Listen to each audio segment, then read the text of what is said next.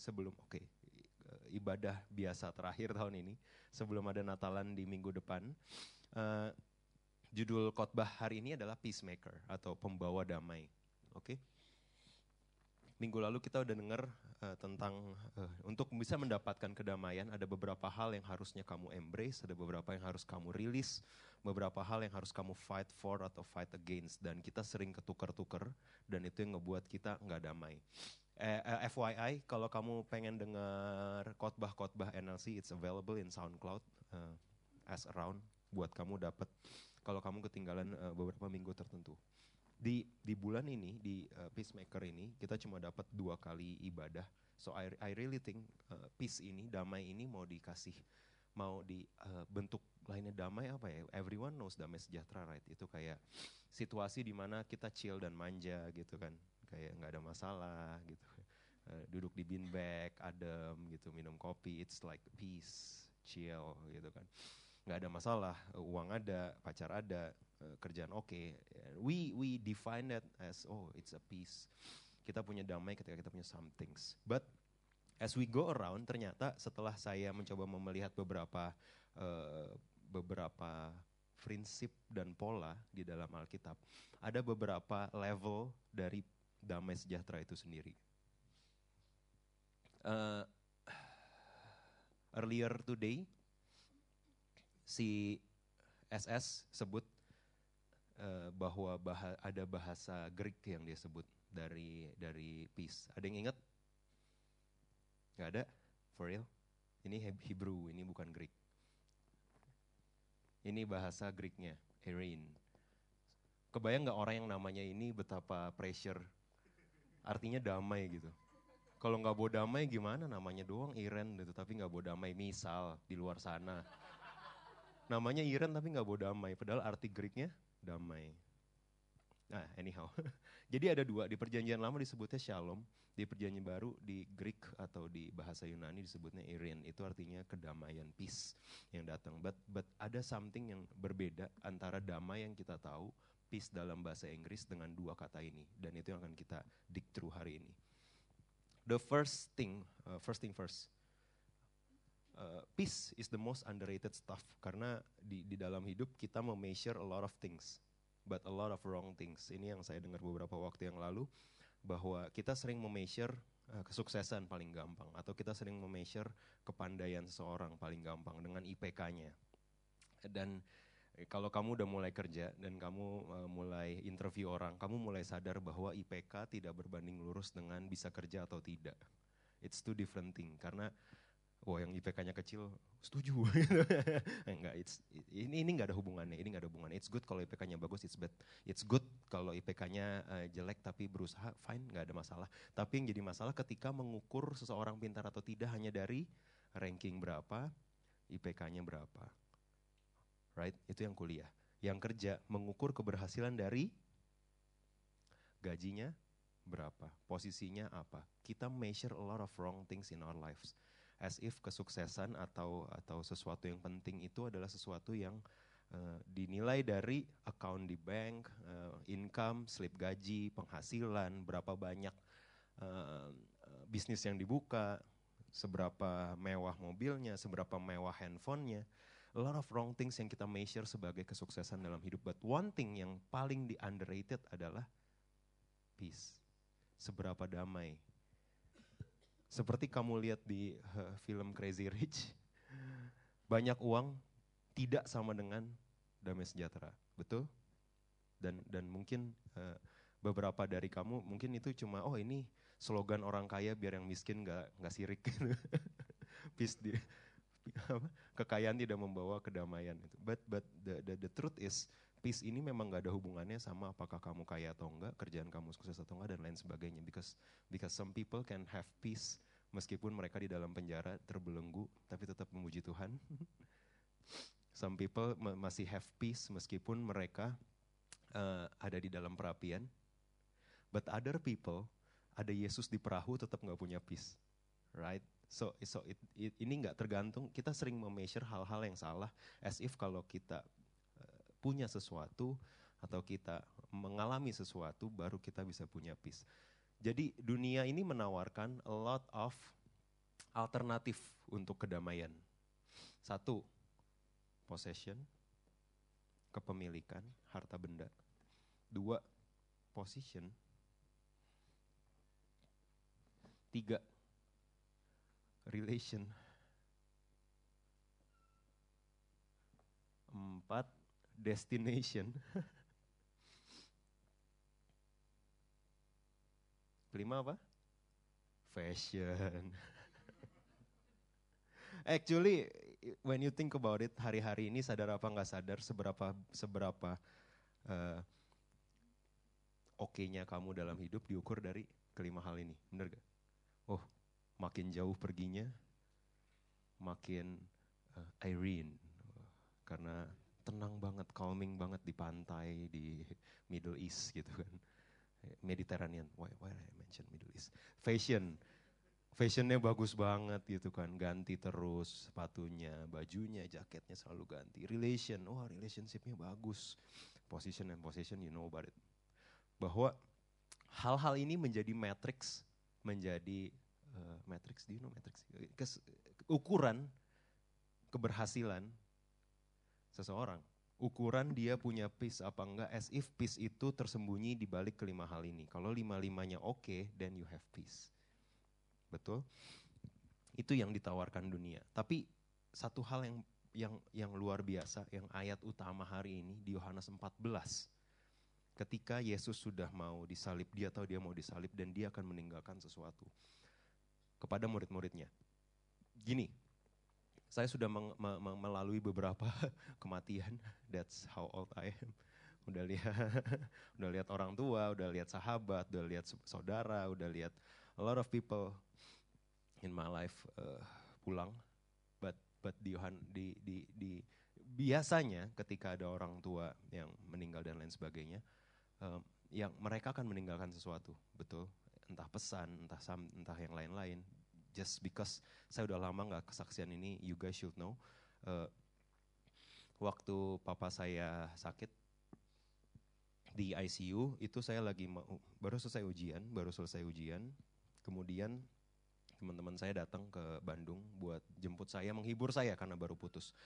Singkat cerita, singkat cerita saya mereka mau menghibur saya, tapi di tengah jalan dapat kabar bahwa orang tua saya, papa saya, itu di UGD dan udah sekarat. Jadi mereka harus jemput saya. Bukan menghibur saya, tapi jemput saya balik ke Jakarta. Karena papa saya udah sekarat. Tapi nggak ada yang ngomong sama saya karena saya lagi ujian. So Asian, right? A dulu baru urusin bapak lu gitu kan. Yang penting A gitu. tapi A, gua gitu. Eh, by the way, by the way, setelah pulang ke Jakarta, sampai ke Jakarta, uh, jam 4 sore. Jadi mereka kayak, Mer kita sebenarnya mau mau menghibur lu. Tapi unfortunately di jalan ditelepon dan kita harus jemput lu balik. Oke, kita pulang ke Jakarta, lumayan macet. Sampai di Jakarta itu jam 4 kalau saya nggak salah. Sampai jam 4 sampai Jakarta. Kemudian jam 8 malam papa saya meninggal. Nah, very unfortunate things adalah waktu di UGD itu dia udah nggak bisa ngomong jadi pas dia lihat saya datang, dia berusaha ngomong beberapa kalimat yang saya tidak mengerti. Kayaknya penting sih. Cuma karena dia udah nggak bisa ngomong, jadi saya nggak paham maksudnya apa. Cuma uh, uh, uh, uh, uh, gitu. Dan and I don't know dia tuh artinya apa. Sampai hari ini saya nggak tahu. Gak, uh, saya rasa sih dia nggak bilang jangan lupa bayar listrik ya, air itu. Ini nomornya. Kayaknya enggak ya. You know, at that moment yang disampaikan pasti hal yang paling penting bener? Which saya nggak ngerti, which unfortunate, which fortune, fortunate for you yang masih papa mamanya masih ada. Halo, mungkin it's time mulai ajak ngobrol. Oke, okay? it's unfortunate for me, tapi saya, menurut saya kayak beberapa kalimat itu adalah the most important sentences yang harusnya saya pahami, tapi saya nggak paham. And it's unfortunate. Dan habis itu jam 8 meninggal, end of story. Tapi di Yohanes 14 saya mau bawa ke sini. Waktu di Yohanes 14 Yesus tahu dia mau pergi dari dunia, dia meninggalkan sesuatu. Semuanya ini kukatakan kepadamu selagi aku berada bersama-sama dengan kamu. Tetapi penghibur yaitu roh kudus yang akan diutus oleh Bapa dalam namaku, dialah yang akan mengajarkan segala sesuatu kepadamu, yang akan mengingatkan kamu akan semua yang telah kukatakan kepadamu. Jadi dia bentar lagi nggak berada bersama-sama dengan murid-muridnya. Ayat 27, apa? damai sejahtera ku tinggalkan bagimu. Damai sejahtera ku, ku berikan kepadamu dan apa yang akan ku berikan tidak seperti yang diberikan oleh dunia kepadamu. Jangan gelisah dan gentar hatimu. We can end here and lihat ini kata-kata Yesus yang it speaks to our life right. Satu hal yang ditinggalkan dia adalah damai sejahtera. Ku tinggalkan bagimu.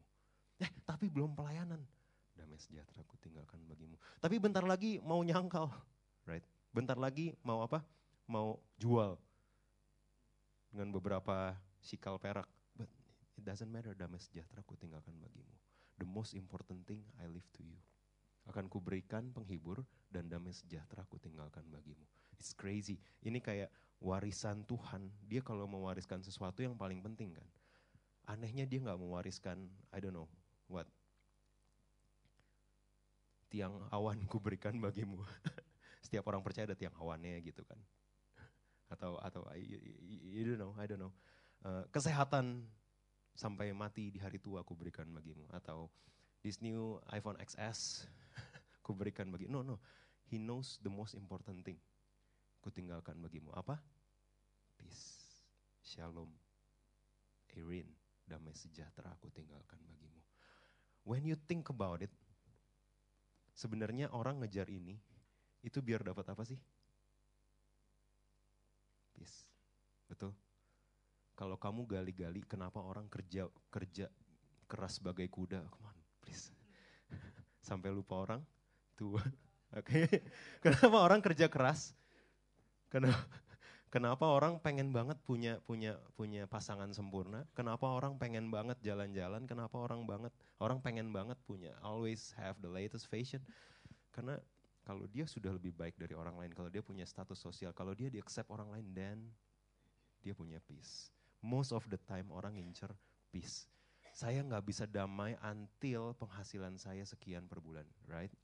That's why people keep working, working, working their ass off untuk dapat that position, untuk dapat that that kind of income in their life. Karena mereka kejar peace.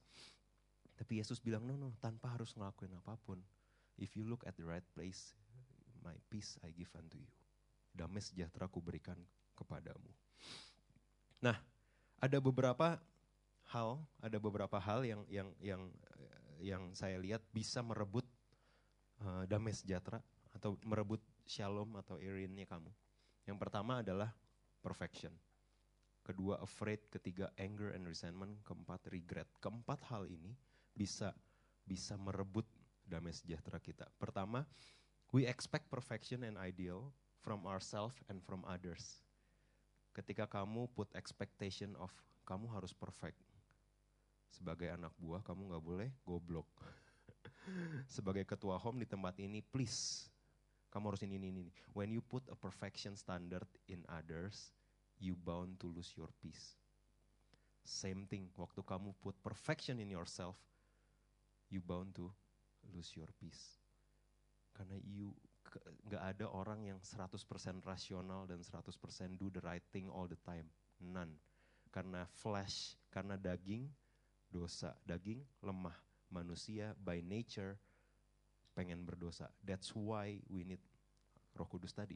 Hence, kalau kita expect perfection dari diri sendiri ataupun dari orang lain, you will bound to lose peace. Kedua, afraid, ketakutan. Ketakutan membuat kita kehilangan damai sejahtera.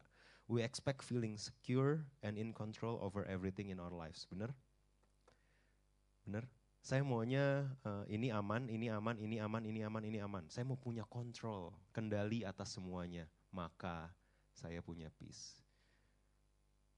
Ini yang yang kita sering uh, kejebak. Ketika kita sadar bahwa kecil banget loh kendali kamu atas kehidupan ini.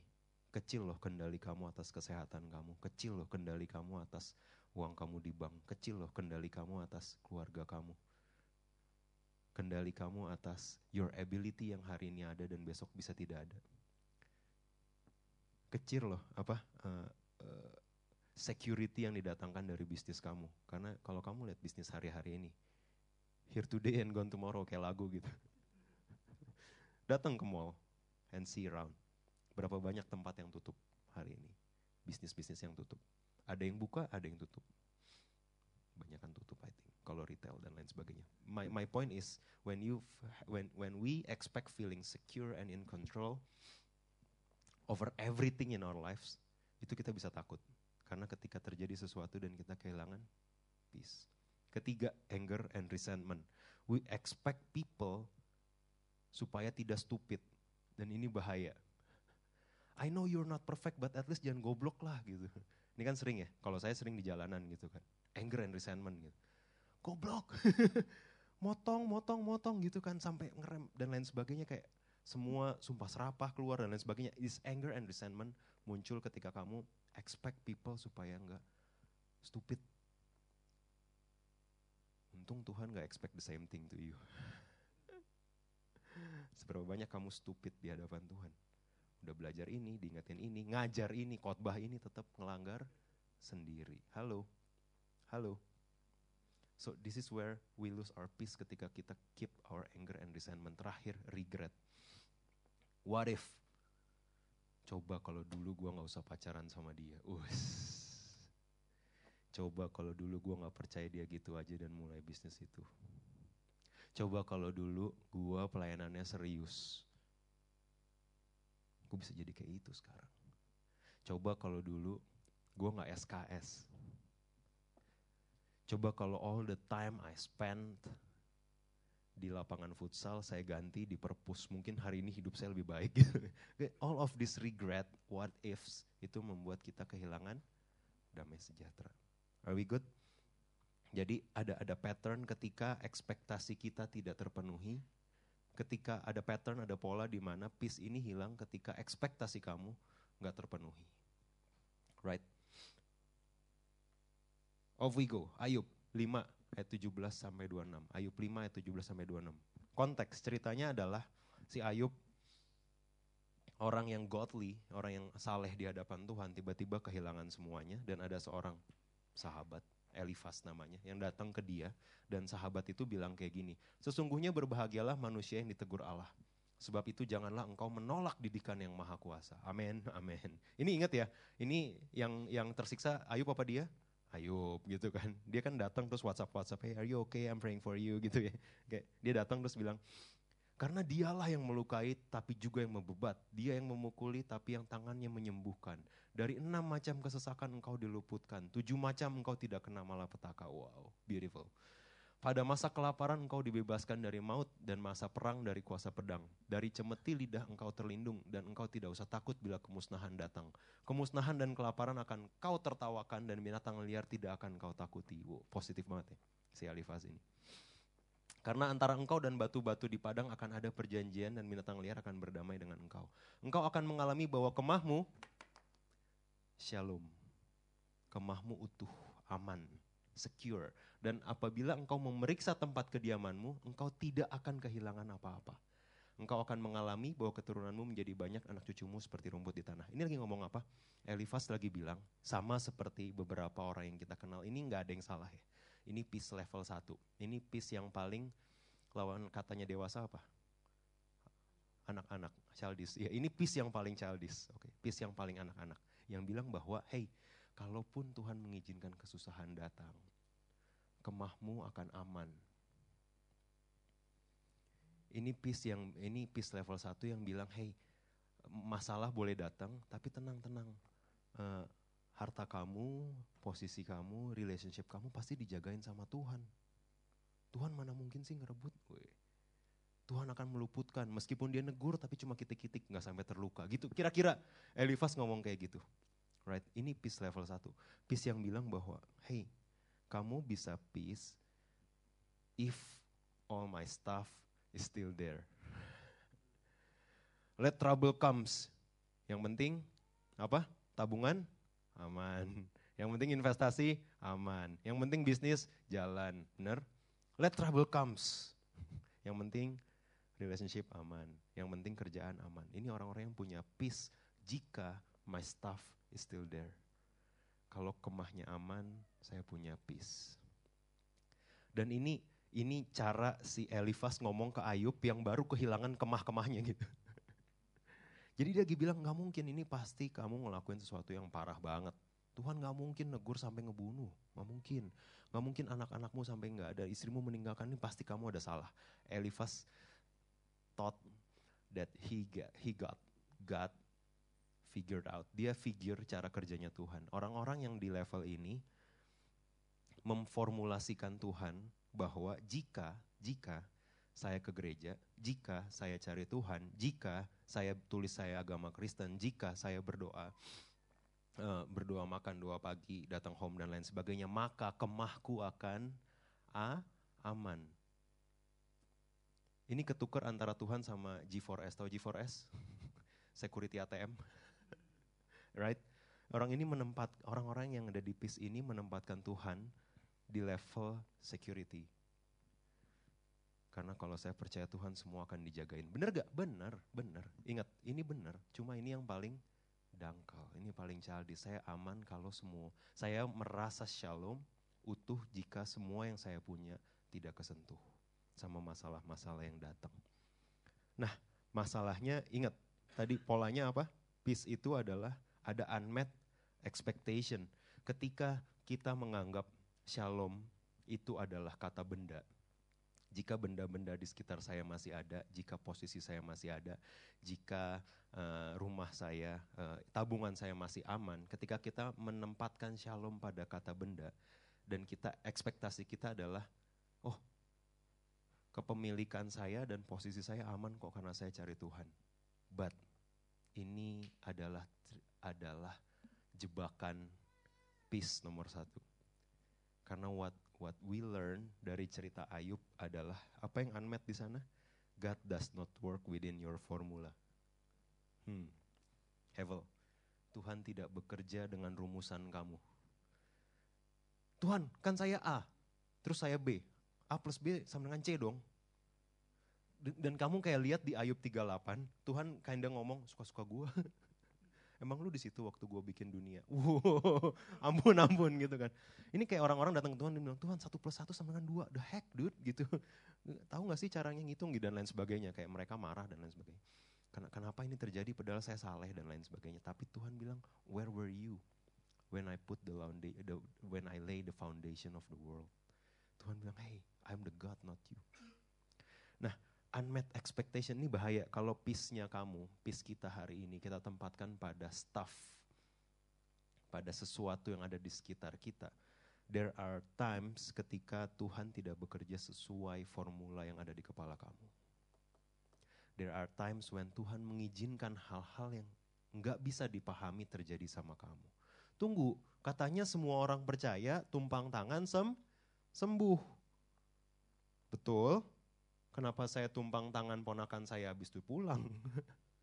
pulang kalau ke rumah, pulang ke surga lagi kan. Kita kayak, hey ini A plus B sama dengan C, kok kok enggak? Dan kalau kita menempatkan shalom sebagai kata benda, possession dan position, kita bisa gampang kehilangan shalom. Because peace comes from the knowing that there is no permanent possession and or and position. Ini sebabnya ketika Tuhan pergi dia nggak bilang Petrus mulai saat ini kamu akan jadi uh, apa uh, the royal priest yang ada di ini dan kamu bisa terusin ke anakmu, anakmu, anakmu. No, no, no, it doesn't work that way karena semua posisi itu temporary. Kamu jadi kepala rasul, doesn't matter, doesn't matter.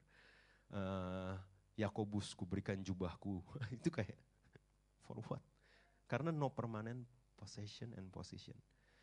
Ketika Yesus Yesus mengajarin ini dengan bilang yang kutinggalkan adalah damai sejahtera, yang itu nggak bisa direbut, yang itu permanen. Amin.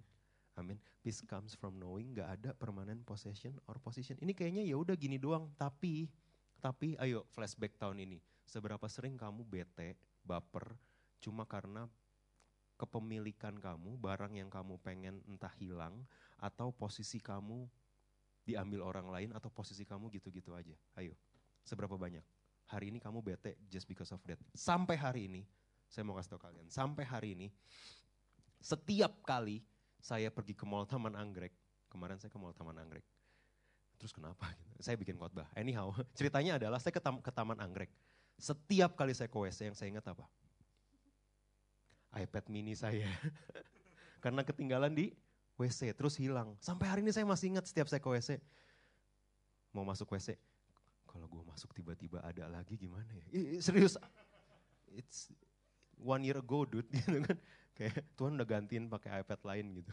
Terus eh, dibeliin gitu. Dan dan kalau saya masuk ada iPad ini, I, I will praise you Lord this time gitu kan. Tapi enggak enggak ada, enggak ada. Tapi serius setiap kali itu menjadi sesuatu yang traumatis buat saya. Karena ada sesuatu yang hilang. Di WC lantai 2 Mall Taman Anggrek sebelah kiri dekat metro. Saya bahkan hafal saking traumatisnya gitu. But the thing is, nggak ada possession atau position yang permanen. Kalau kamu dengar dengar khotbah bulan lalu tentang hoarding, tentang King of My Heart, saya masih berurusan dengan hoarding barang. Itu sebabnya possession yang hilang itu sangat-sangat mengganggu saya. Buat kamu mungkin hal lain, buat kamu mungkin posisi, buat kamu I don't know. Flashback, look back, review hidup kamu setahun ini, hal apa yang bikin kamu kehilangan damai sejahtera tahun ini? Posisi? Pemilikan tertentu? That's the first stage of peace. Ketika peace kita sebagai kata benda, peace kita terletak di benda-benda yang ada di sekitar kita, peace kita ada di kalau saya punya itu then my life will be complete. No, not not working that way. Kedua, satu Samuel, satu Samuel 9. Saya masuk ke Shalom level 2. Shalom level 2, satu Samuel 9.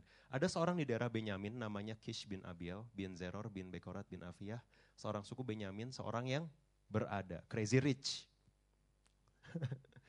Orang ini ada anaknya laki-laki namanya Saul, seorang muda yang elok. Hmm, kaya tampan. Tidak ada seorang pun di antara orang Israel yang lebih elok daripadanya. Dari bahu ke atas ia lebih tinggi daripada setiap orang sebangsanya. Udah tinggi, so you got this Nick yang tampan tinggi, berada lagi, right? Dan dan orang Israel di masa-masa itu mulai bilang, no no no, we don't need judge, we need king. Kita nggak butuh perantara antara kita dengan Tuhan, kita butuh raja yang ngasih tahu kita kita mesti ngapain. Singkat cerita, Samuel atau Tuhan sedih dengan uh, keputusan bangsa Israel. Samuel udah mengingatkan, ingat loh kalau lu punya raja, lu di pasti. Pasti ada pajak yang buat raja, pasti. Gak bakal 100%, anakmu diambil buat perang mati, pasti. Gak, don't care, we need a king. See this crowd people, this crowd bilang kami tetap maunya raja atas kami. Dan apa yang terjadi? Mereka put their peace ketika kita baru bisa alasannya kalau kamu baca di 1 Samuel 9 kenapa mereka mau ada raja atas mereka. Alasannya simple. Karena bangsa lain punya raja. Masa kita nggak punya? Weird gitu kan. Kita harus punya raja juga dong gitu. Jadi alasannya cuma itu, bukan karena Tuhan gagal melindungi mereka, bukan karena Tuhan gagal dan bikin mereka kalah. Enggak, enggak, enggak. Just because bangsa lain punya raja, masa kita nggak punya? Orang lain punya pacar, masa kita Oke, okay, by the way, karena itu mereka menempatkan peace mereka kalau mereka punya raja. Until delapan pasal kemudian, ada peperangan dengan bangsa lain, Filistin. Tadi apa ke yang disebut berkali-kali dari Saul apa? Tinggi, benar. Saul tinggi, wow, tinggi tampan gitu kan. Until comes Goliat. Mana yang tinggi kata Goliat? Mana? Ini yang paling tinggi. Until comes problem di 1 Samuel 17 yang membuat mereka stuck sama Filistin. Hadap-hadapan dan gak ada yang berani maju karena Goliat begitu besar. Di 1 Samuel 17 dibilang kayak gini, eh, Isai, uh, bapaknya, bapaknya Daud bilang, Ambillah kakak-kakakmu bertih gandum ini seeva dan roti yang sepuluh ini, bawalah cepat-cepat ke perkemahan kepada kakak-kakakmu. Dan baiklah sampaikan keju yang sepuluh ini kepada kepala pasukan seribu. Tengoklah apakah kakak-kakakmu selamat. Eh ini yang gue kuningin. Apakah kakak-kakakmu? Shalom. Dan bawalah pulang suatu tanda dari mereka see if your brothers is at peace. Karena shalomnya mereka ini mulai runtuh di raja yang pertama. Karena raja mereka yang mereka pikir tinggi, ketemu lawan yang lebih tinggi. As simple as that. Dan kalau kamu baca terus-terusnya ketika Daud sampai ke sana, dia bukannya uh, diterima oleh kakak-kakaknya. On the other hand malah kakaknya bilang, lu ngapain ke sini, lu mau nonton ya, pulang sana, siapa yang jagain domba dan lain sebagainya. Kakaknya bilang ke dia kayak, lu ngapain anak kecil ke sini? Raja kita yang uh, tampan dan berada dan tinggi dan jago perang aja nggak bisa ngelawan dis Goliat, lu apalagi lu gitu. Karena mereka menempatkan peace mereka di someone di di di this king Saul yang supposedly membebaskan mereka dari masalah-masalah mereka. So so the peace level two adalah ketika kita menempatkan damai sejahtera di orang lain. I look for peace in knowing that someone looking after or loving me. Kalau nggak ada, then I lose my peace. Ini yang ini yang level 2. Lebih bagus mungkin kalau barang-barangnya hilang nggak apa-apa selama aku punya kamu. Asik. Ada, ada yang kayak gitu? we still have each other right? Asik. Kerjaan di PHK, but we still have each other gitu. It's it's it's good. It's good, tapi ini baru level 2. I look for peace in knowing that someone looking after or loving me until that person ternyata nggak seperfect yang kamu kira. Because nobody's perfect because it's totally wrong untuk menempatkan peace di someone else. Bahkan raja yang berada tinggi, kaya, jago perang pun tidak bisa melepaskan kamu dari Goliat. So, so level kedua ini kita menempatkan shalom sebagai kata sifat ketika ada someone. Ketika we uh, melepa, menempatkan shalom kita di seseorang yang ada di sekitar kita. Someone has to take care of me. That is our expectation until you know bahwa in the end everybody take care of themselves. Semua ke drive untuk take care of themselves. Jadi again sangat salah menempatkan harapan dan peace ke orang lain. Berapa kali saya sampaikan di tempat ini. Kalau kalau I don't know, uh, let's say it frankly, kalau kalau kamu ada di gereja di mana di mana pastornya adalah full timer dan lain sebagainya. Uh, kemudian dia uh, dari minggu ke minggu melayani orang, sekolah Alkitab dan lain sebagainya. Kamu mungkin lebih punya peace di tempat ini kayak me, I have my, I, I have a full time job.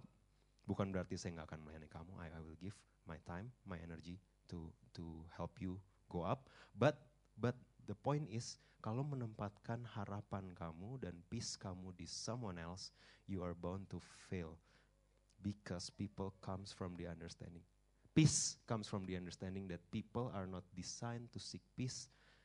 People are designed to seek peace, not source of peace. Jadi setiap manusia itu didesain untuk memang ada kekosongan setelah setelah jatuh ke dalam dosa dan mereka semua mencari damai. Semua manusia itu mencari kedamaian bukan sumber kedamaian. Jadi kalau lu atau gua mulai nyalain orang, jangan-jangan kita masih ada di level ini. Kenapa sumber sumber sukacita dan damai sejahtera kita adalah people? It shouldn't be. It shouldn't be people. Karena semua orang yang jatuh ke dalam dosa ini mereka sama-sama mencari kedamaian, betul? Bagus kalau as anak NLC cari kedamaian dengan datang ke gereja. It's good. Bagus kok level 2 gitu. Banyak yang carinya di hal lain betul.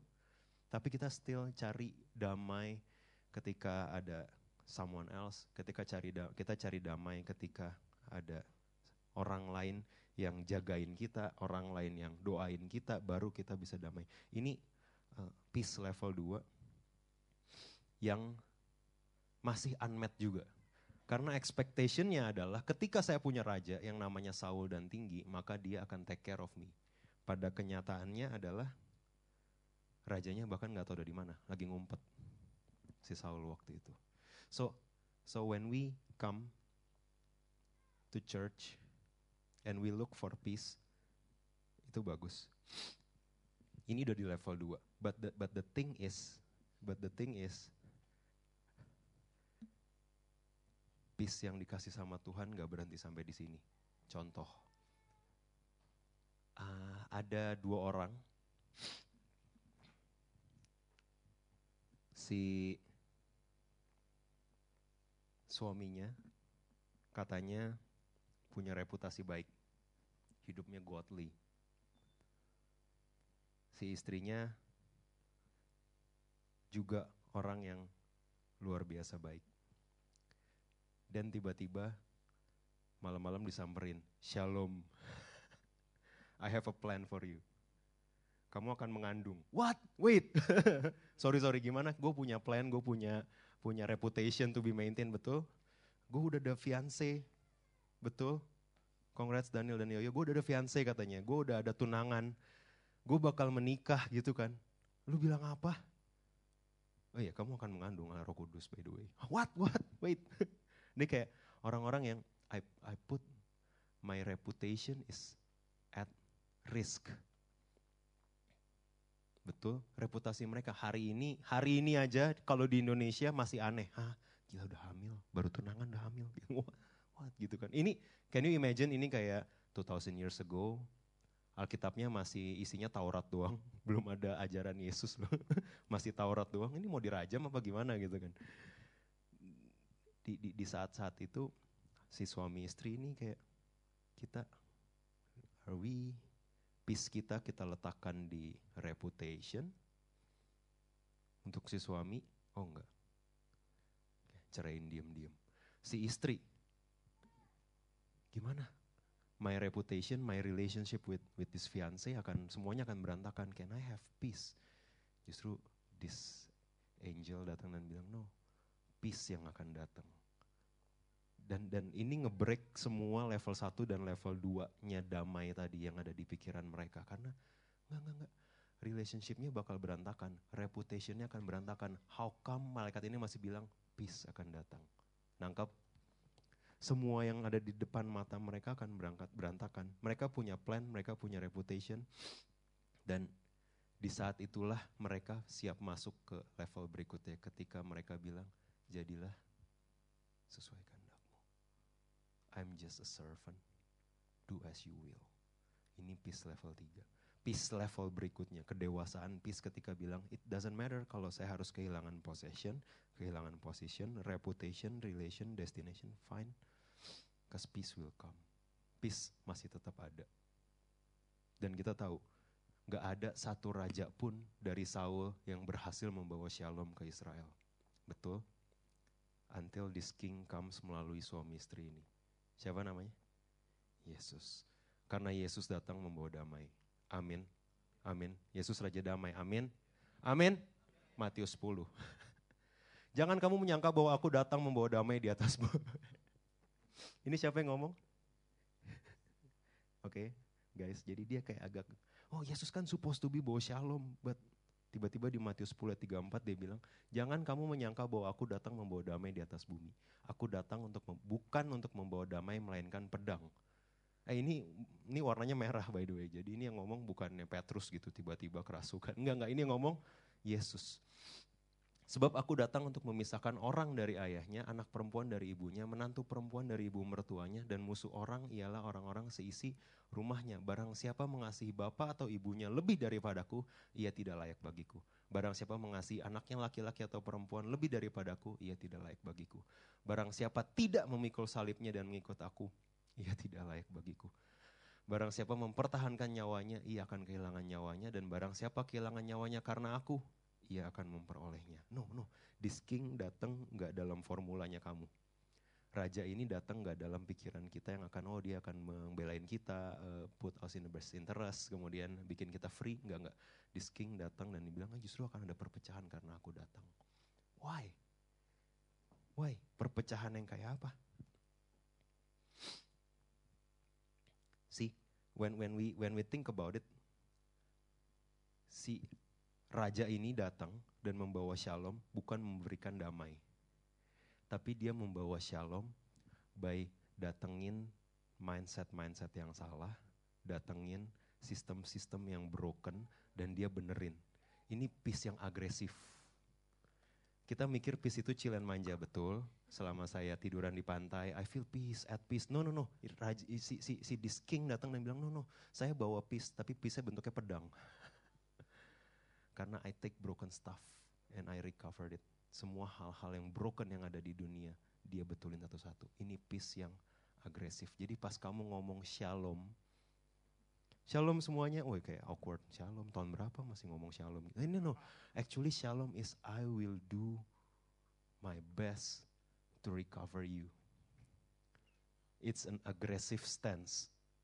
Apa yang broken di hari kamu hari ini akan dibetulin sama Yesus. Apa yang berantakan dia akan datang dan betulin. Peace itu bukan cuma bilang bahwa, hey tenang, tenang. Enggak, enggak, enggak, enggak. Bahkan di tengah badai pun bisa peace kalau semuanya benar di dalam hatinya.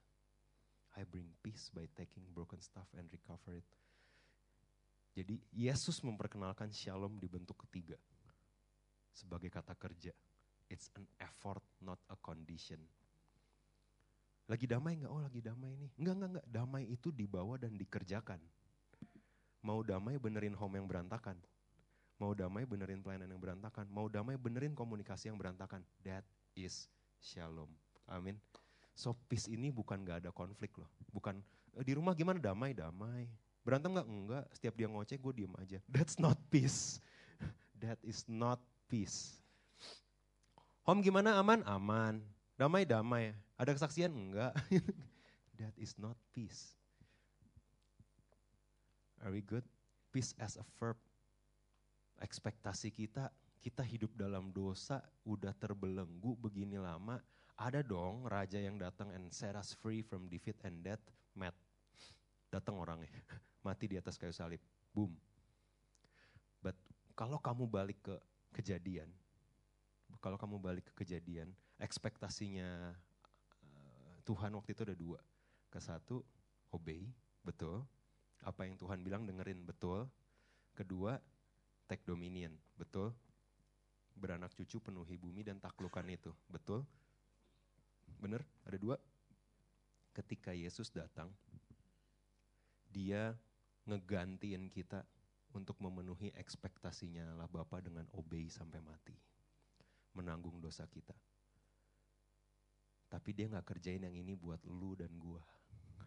Yang ini misi kita sekarang. Bawa peace ke kantor. Bawa peace ke rumah yang belum kenal Tuhan. Bawa bawa peace ke abang-abang ojol. Serius, serius. That's how we take dominion. Bukan dengan pedang kita datang. Tobat nggak lu? Tobat nggak? doa salvation prayer sekarang kalau nggak bacok enggak enggak ketika dia datang dia nggak bawa pedang kayak gitu dia bawa pedang dengan kamu butuh. Gue juga lagi kurang sih tapi gue bisa bantu kok. Itu take dominion. Lu fitnah gue I think I do some mistake. Thank you. Gue jadi bisa introspeksi. Itu take dominion. Take dominion ini uh, giving peace to others ini ini adalah misi yang utama. Ini ini ketika dunia ngajarin one thing and God tells you the other way and you do what God says. Ini ketika Tuhan bilang aku akan berikan anak yang banyak dan dunia bilang enggak enggak kita udah tua. Enggak mungkin gue punya anak. Ambil aja sih Hagar. Betul. Betul. Ini ini ini peace yang datang di waktu ketika dunia bilang enggak lu pasti dibunuh. Lu udah bohongin kakak lu, lu ambil berkatnya lu pasti mati. No, peace ini yang bilang enggak, emang harusnya mati, but no no, gue kangen sama lu adik gue, kata si Esau last week. Betul? Peace ini adalah peace when a mother chose to deceive, a father chose to bless. Ketika seorang ibu bilang, bohonginnya bapak lu. Kakak lu mah bisa lah, aman lah bisa berburu, lu kan cuma bisa masak, mending lu yang ngambil berkatnya gitu kan. Kata si Ribka kira-kira sama si Yakub. But the father chose to bless. When a sibling chose to deceive, hates and live in fear, but you chose to forgive and throw a party. Ketika si Yakub memilih untuk menipu, peace datang ketika kakaknya memilih untuk mengampuni dan throw a party. Right? So peace is about a choice, guys ketika orang tua. Eh, kenapa dibilang Yesus ini apa peperangannya akan terjadi di isi rumah, seisi rumah. Why? Karena di sisi rumah kamu akan dibilang papi nggak mau ke gereja atau mami nggak mau ke gereja. semua orang Kristen sama, kecewa. Ini konfliknya. Ketika peace kamu bukan cuma bilang oh gitu ya, oh iya iya emang tuh pi, emang saya juga di di NLC sama tuh. Sama semua orang Kristen bangke emang. Enggak, enggak, enggak, enggak. Peace datang bukan dengan kompromi. Peace dengan bilang bahwa hey, pi, kayaknya papi salah fokus deh. Mungkin ke gereja fokusnya bukan ke orangnya, tapi ke Tuhannya. Mungkin tuh orang ada di gereja karena memang mereka butuh Tuhan. Orang masih bangke kok. Makanya mereka ke gereja, right? I mean kalau udah perfect ngapain ke gereja, right? right? Justru di gereja ketemu orang-orang yang kayak gitu karena it's a hospital. You supposed to meet those people. Dan kata-kata kayak gini bakal memicu konflik. So again, peace itu bukan gak ada konflik. Peace itu lebih chose, uh, choosing what God says over what the world says. Amin. Ini ketika peace ketika si suami bilang, eh kita memberi yuk. Tuh peng, pengalinya tiga tuh. Istrinya bilang, atau pasangannya bilang, eh kita kan mau tahun baruan mana cukup. Peace ketika temennya bilang, uh, eh klub yuk. Dan dia bilang, eh tapi ini kan hari home.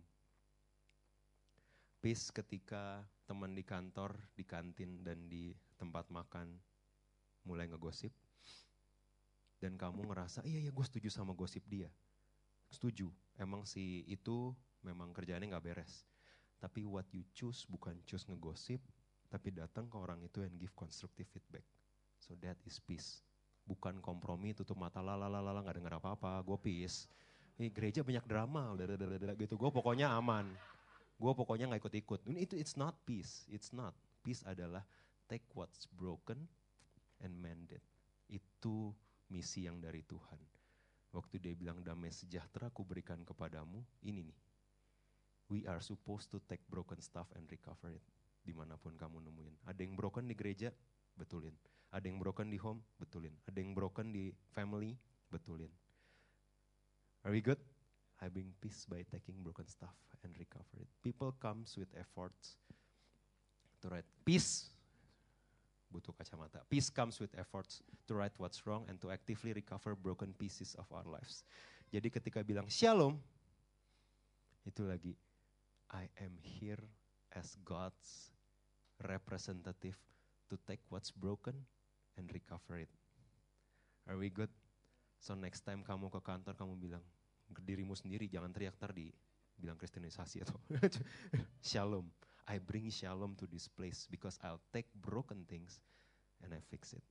Sama seperti Yesus saya datang fix broken things. Very good. Saya balik ke ayat terakhir tadi yang merupakan ayat pertama kita. Yohanes 14, semuanya itu kukatakan selagi aku ada bersama-sama dengan kamu. Penghibur yaitu roh kudus yang diutus Bapa dalam namaku akan mengajarkan segala sesuatu. Gimana caranya? Apa yang harus kita ngomong tapi kalau mau bawa peace ini? No, no, no, easy, easy. Sebelum dia bilang damai sejahtera, dia udah kirim satu penghibur. Are we good? Satu orang yang akan mengajarkan kamu harus ngomong apa. Apa yang harus kamu fix.